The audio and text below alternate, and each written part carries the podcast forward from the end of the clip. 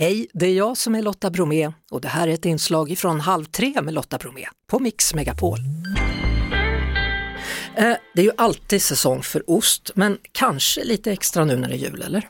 Ja, nej, men det, jag håller med om det. Det är väl en klassisk, eh, en av de klassiska sakerna man har på julbordet skulle jag säga. Varför har den en sån central plats?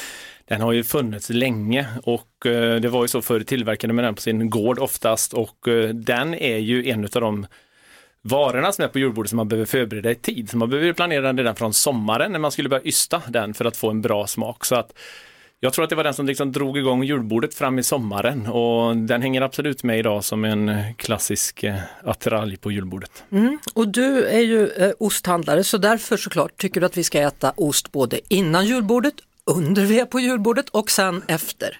Du har så rätt Lotta. Ja, så då börjar vi med en då som funkar bra till glögg. Ja, jag tänker det. Och eh, jag tänker lite ädelost bör man ha med sig på julbordet. Och där valde jag faktiskt en engelsman som heter Shropshire Blue som eh, ni kan se lite så här gul och fin, orange i färgen ihop med möglet. Och den är färgad av anattofärg som kommer från eh, en litet frö som växer på träd.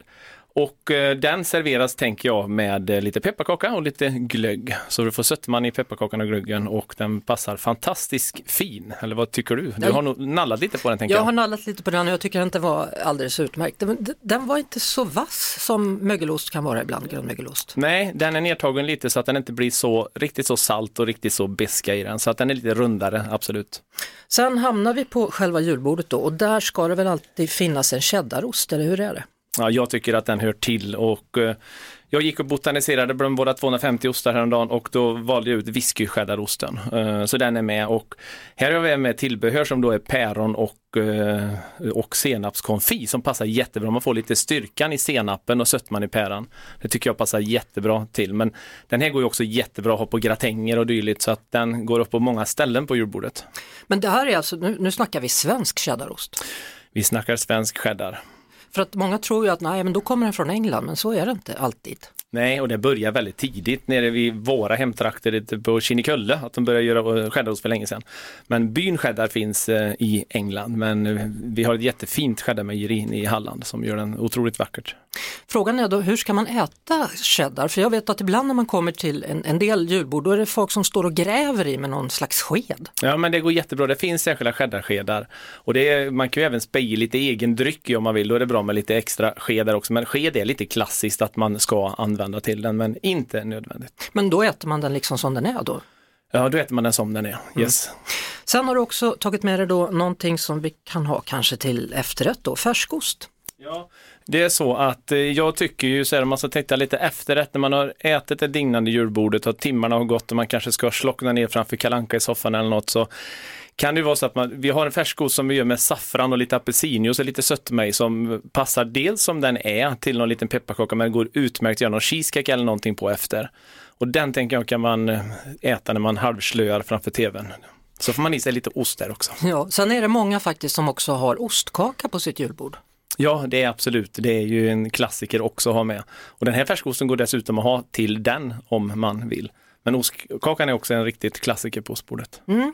Eh, sen har du också tagit med dig någonting annat och det är ju så att ost har gått upp ganska mycket i pris men du säger att man kan göra något smart. Ja, men jag tänker att eh, det kanske är många som eh, slänger kanter och rester och sånt men då tänker jag att eh, spara det, frys in de små grejerna i en liten påse så kan man göra sin egen ost som man sen kan använda till eh, julen som passar väldigt bra. Det kallas generellt för podcast eller krukost som vi gör i Sverige. Då mal man ner de här ostkanterna och så behöver man ha något medel så att det blir lite, lite kletigare, så lite färskost eller smör i.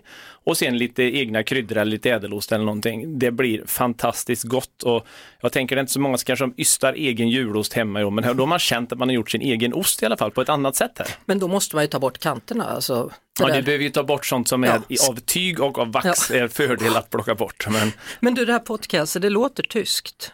Ja, det kommer, eh, ursprungligen kommer namnet från eh, Tyskland och södra Danmark. Så därför, om vi vill vara lite svenska och västgötska så säger vi krukost istället. Ja, krukost är alltid bra. Ja.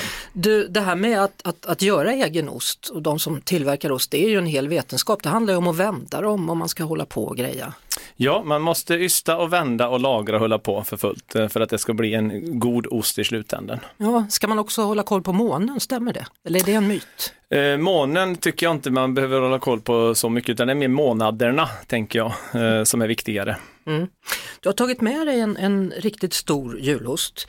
En alldeles speciell julost som heter Mix Megapols halv 3 julost med Lotta Bromé på framsidan här på den här osten. Ja, så det kan bli. Eh, den osten är svensktillverkad och den är lagrad i 36 månader. Så Wow. han har legat och gottat sig hos oss i nästan tre år. Och sen fick han eh, hänga med en tågresa upp till Stockholm och eh, se hur huvudstaden ser ut. Han har aldrig varit där förut. Nej, och så är det ett rim på då. Ystad, lagrad, vänd och doppad och med en Lotta halv 3-logga toppad. Nu ska julostens konung ostglädje ge och nya människor i Väla får se. Det här med andra ord betyder att du som lyssnar har chansen att vinna en likadan. Vi tävlar ut den helt enkelt. Absolut, en stor julost på nästan fem kilo. Oj, oj, oj, oj. Har du lust med detta, då ska du göra det bästa rimmet du kan komma på på just ost. Då. Du kan antingen gå in på Mix Megapols Instagram stories och lägga ditt rim där om osten eller så går du in på Mix Megapols Facebook-sida eller så skriver du helt enkelt till Lotta snabel-a mixmegapol.se. Alltså den är ju stor den här osten du. Ja, den är stor, så antingen tänker jag att eh, dela den och bjuda in hela kvarteret.